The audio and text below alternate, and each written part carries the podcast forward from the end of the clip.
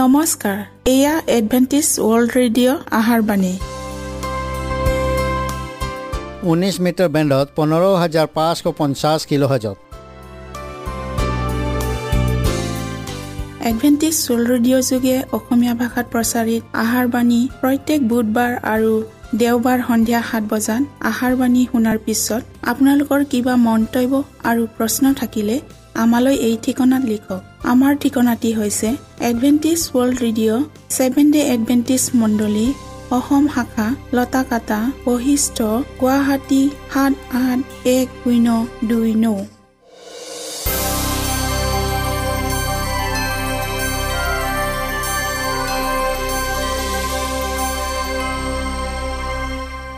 প্ৰিয় শ্ৰোতা বন্ধুসকল এতিয়া শুনো আহক এটি খ্ৰীষ্টীয় ধৰ্মীয় গীত।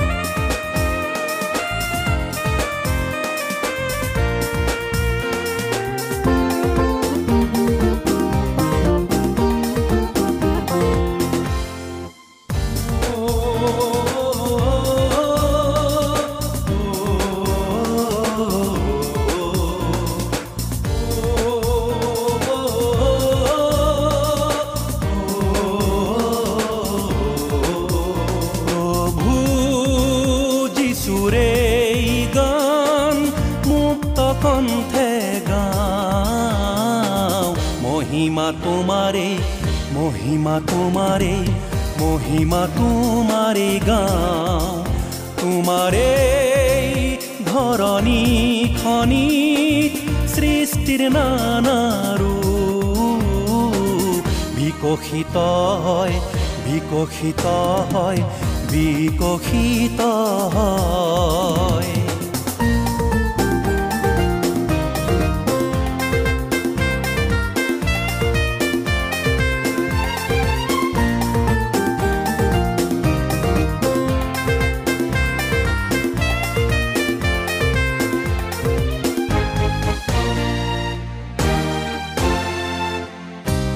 পৃথিৱীৰ মানৱৰ মনত এই ধৰণীৰ সৃষ্টিৰ মাজ এই পৃথিৱীৰ মানৱৰ মনত এই ধৰণীৰ সৃষ্টিৰ মাজ বোৱালা প্ৰেমৰ নদী তোমাৰ তেজেৰে প্ৰেমৰ নদী তোমাৰ তেজেৰে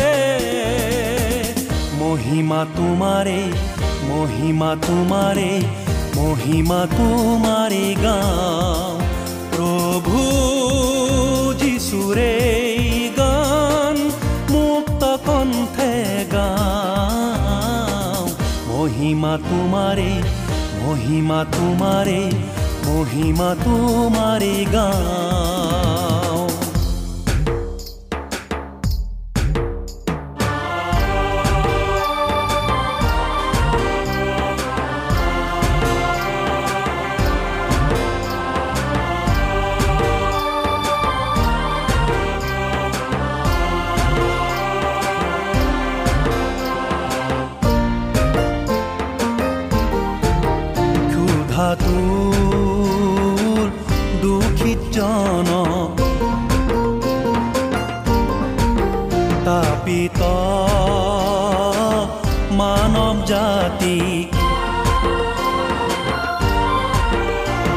ক্ষুধাতু দুখিত জন তাপিত মানৱ জাতি দিলাশ্ৰয় তুমি দুবাহুতে। মহিমা তোমাৰে মহিমা তোমাৰে গাওঁ।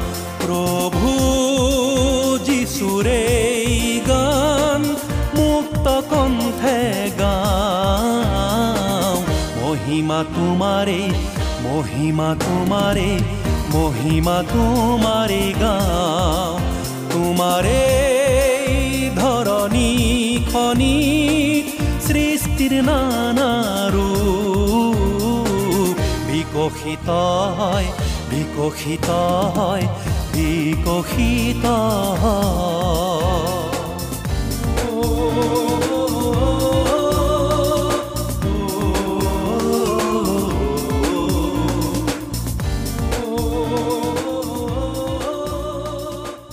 প্ৰিয় শ্ৰোতা বন্ধুসকল আহক আমি খন্তেক সময় বাইবেল অধ্যয়ন কৰোঁ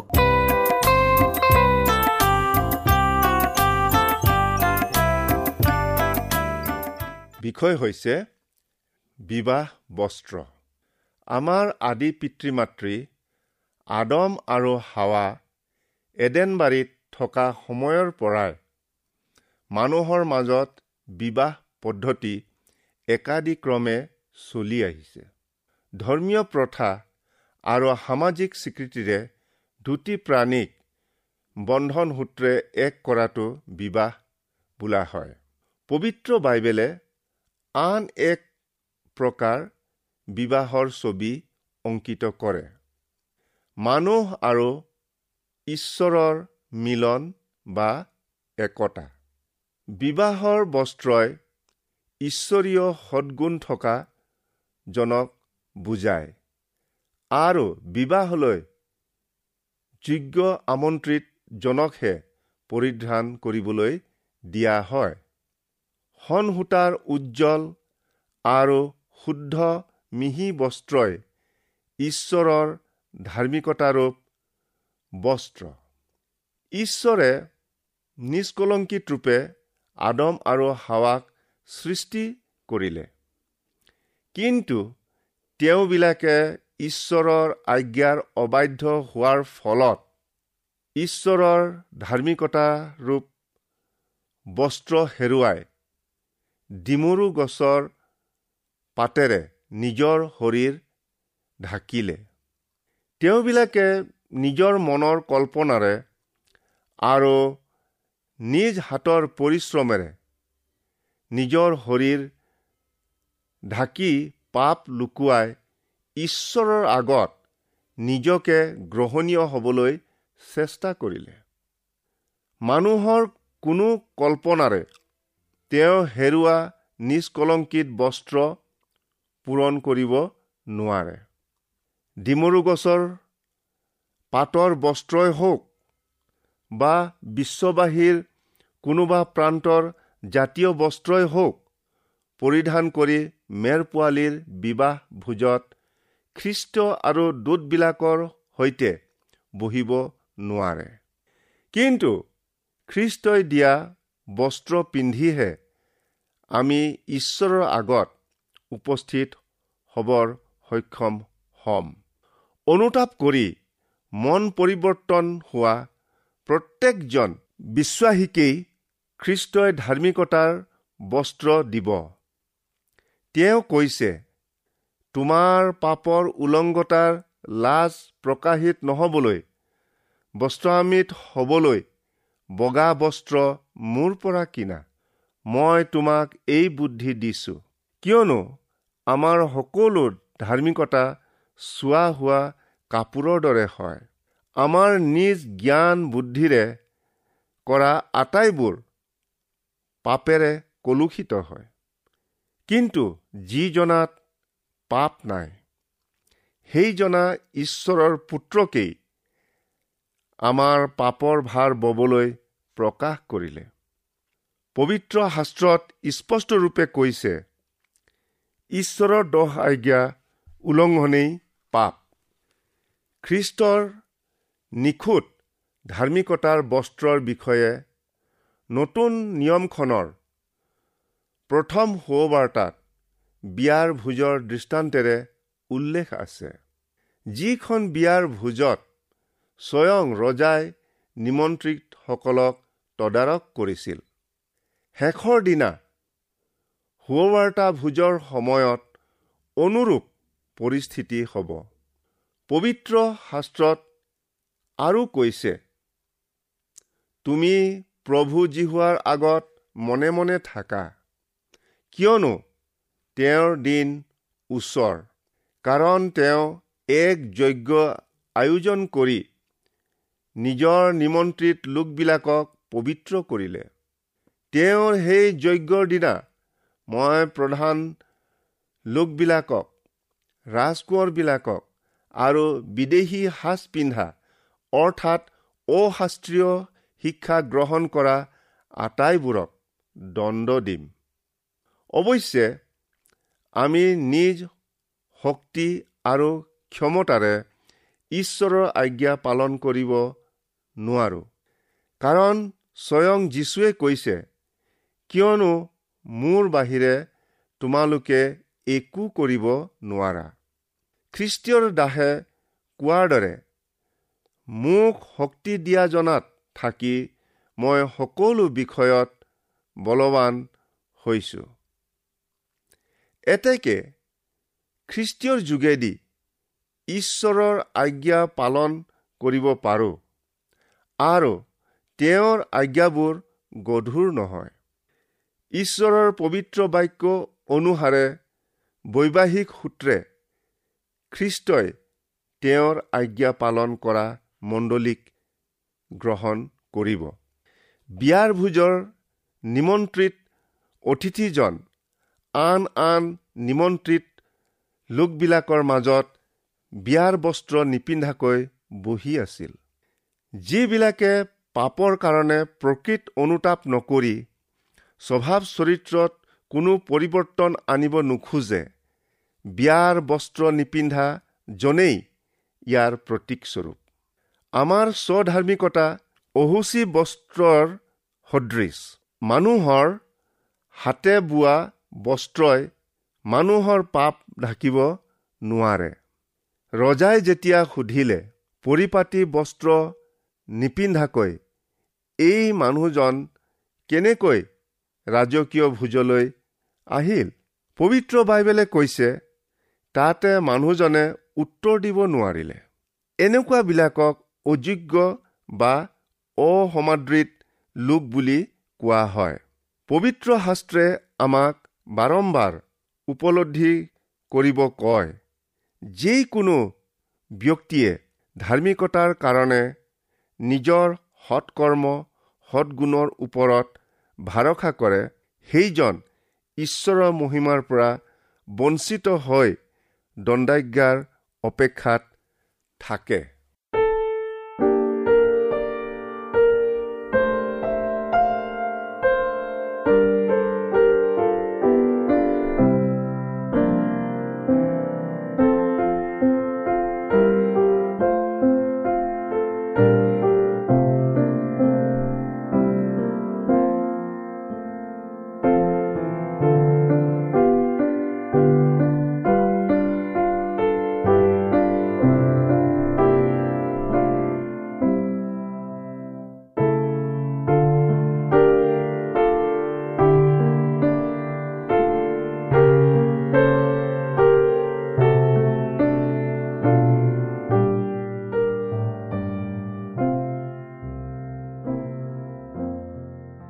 আমাৰ স্বইচ্ছাৰে কৰা ধৰ্মকৰ্ম ঈশ্বৰৰ আগত অহুচি লোকৰ সদৃশ। আৰু আমাৰ সকলো ধাৰ্মিকতা চোৱা হোৱা কাপোৰৰ দৰে।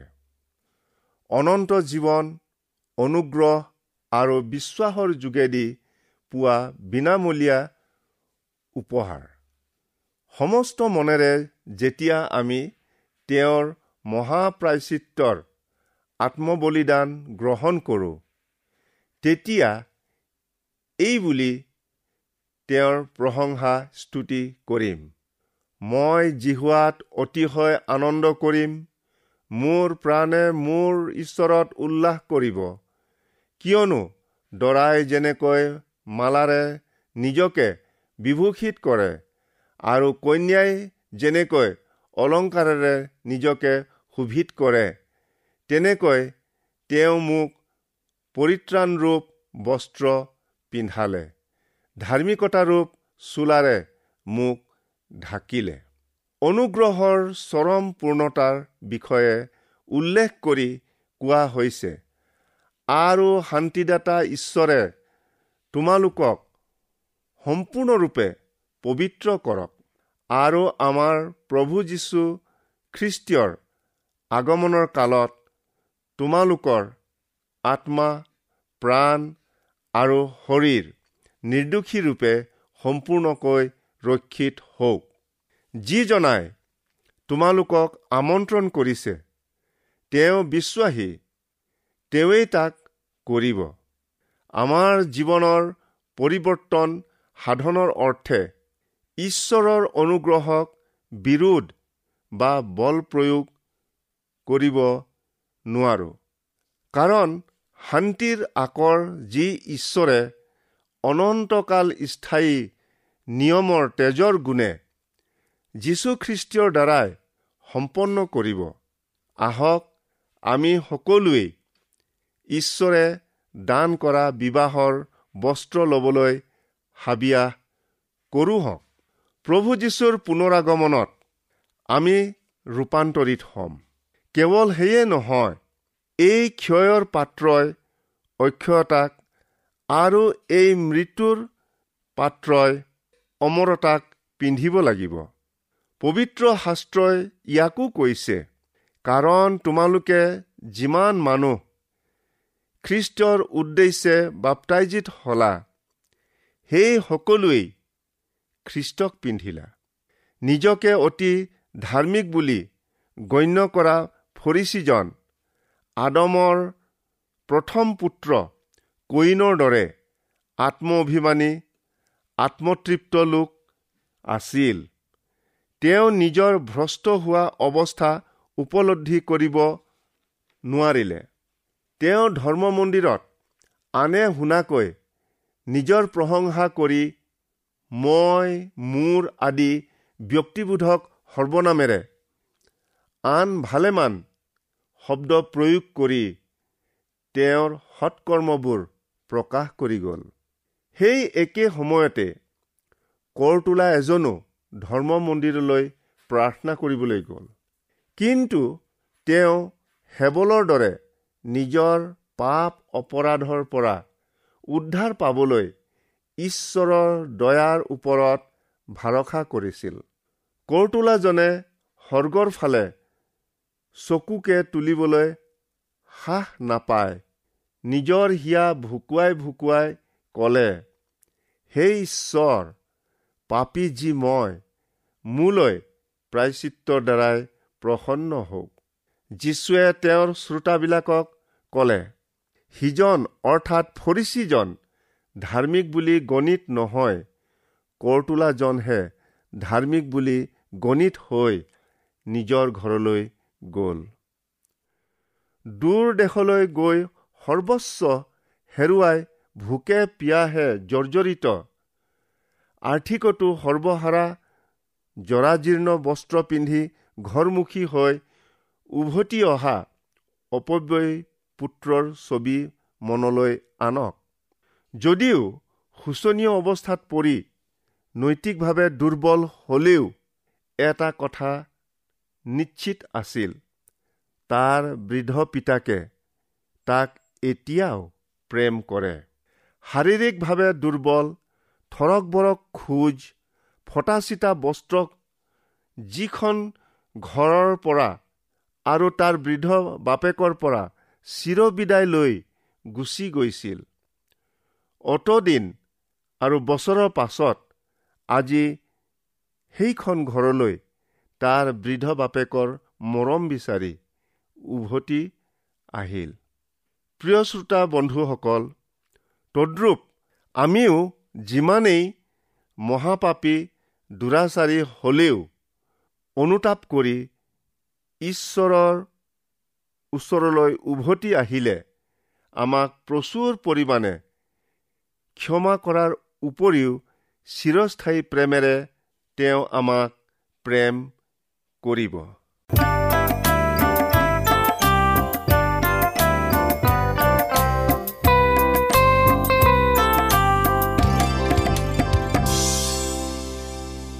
ইমানপৰে আমি বাইবেল অধ্যয়ন কৰিলোঁ। এতিয়া আকৌ শুনো আহক এটি খ্ৰীষ্টীয় ধৰ্মীয় গীত।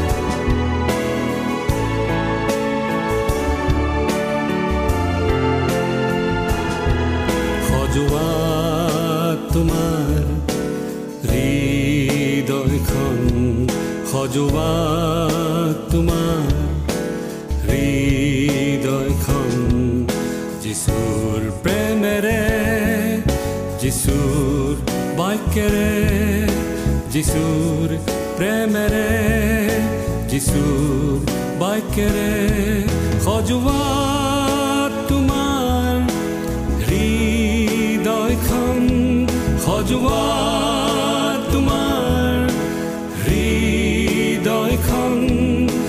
যিচুৰ সত্যেৰে যিচুৰ পোহৰেৰে সজোৱা। যিচুৰ সত্যেৰে যিচুৰ পোহৰেৰে সজোৱা। সজোৱা তোমাৰ হৃদয়খন সজোৱা তোমাৰ হৃদয়খন যিচুৰ প্ৰেমেৰে যিচুৰ বাক্যেৰে যিচুৰ প্ৰেমেৰে যিচুৰ বাক্যেৰে সজোৱা তোমাৰ হৃদয়খন সজোৱা তোমাৰ হৃদয়খন যিচুৰ সত্যেৰে যিচুৰ পোহৰেৰে সজোৱা।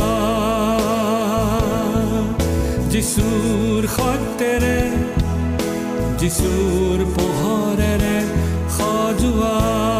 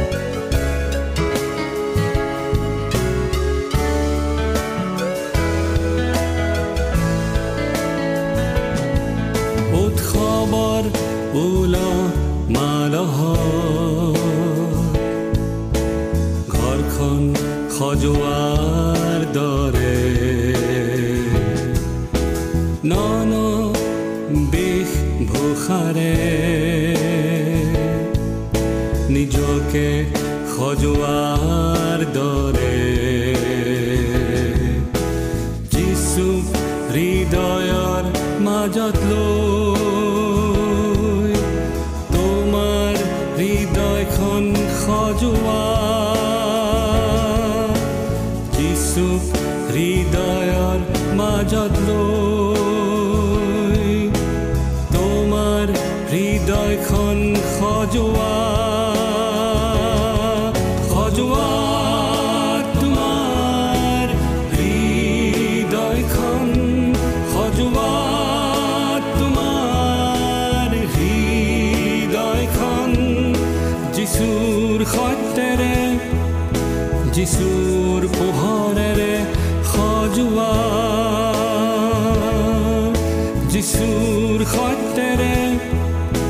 যিচুৰ পোহৰেৰে সজোৱা যিচুৰ সত্যেৰে যিচুৰ পোহৰেৰে সজোৱা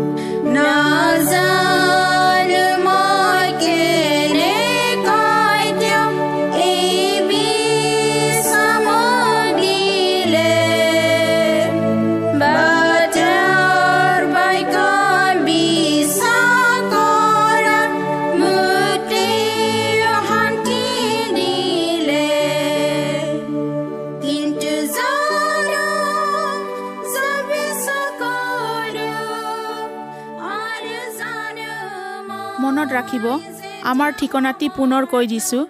Adventist world radio' Assam region of seven day Adventist voice of hope Lotakata Basistha Guwahati seven eight one zero' two nine প্ৰিয় শ্ৰোতা বন্ধুসকল এডভেণ্টিজ ৱৰ্ল্ড ৰেডিঅ' যোগে আহাৰবাণী প্ৰচাৰত আপোনালোকক পুনৰ লগ পোৱাৰ আহাৰে আজিলৈ সামৰিলোঁ। ধন্যবাদ।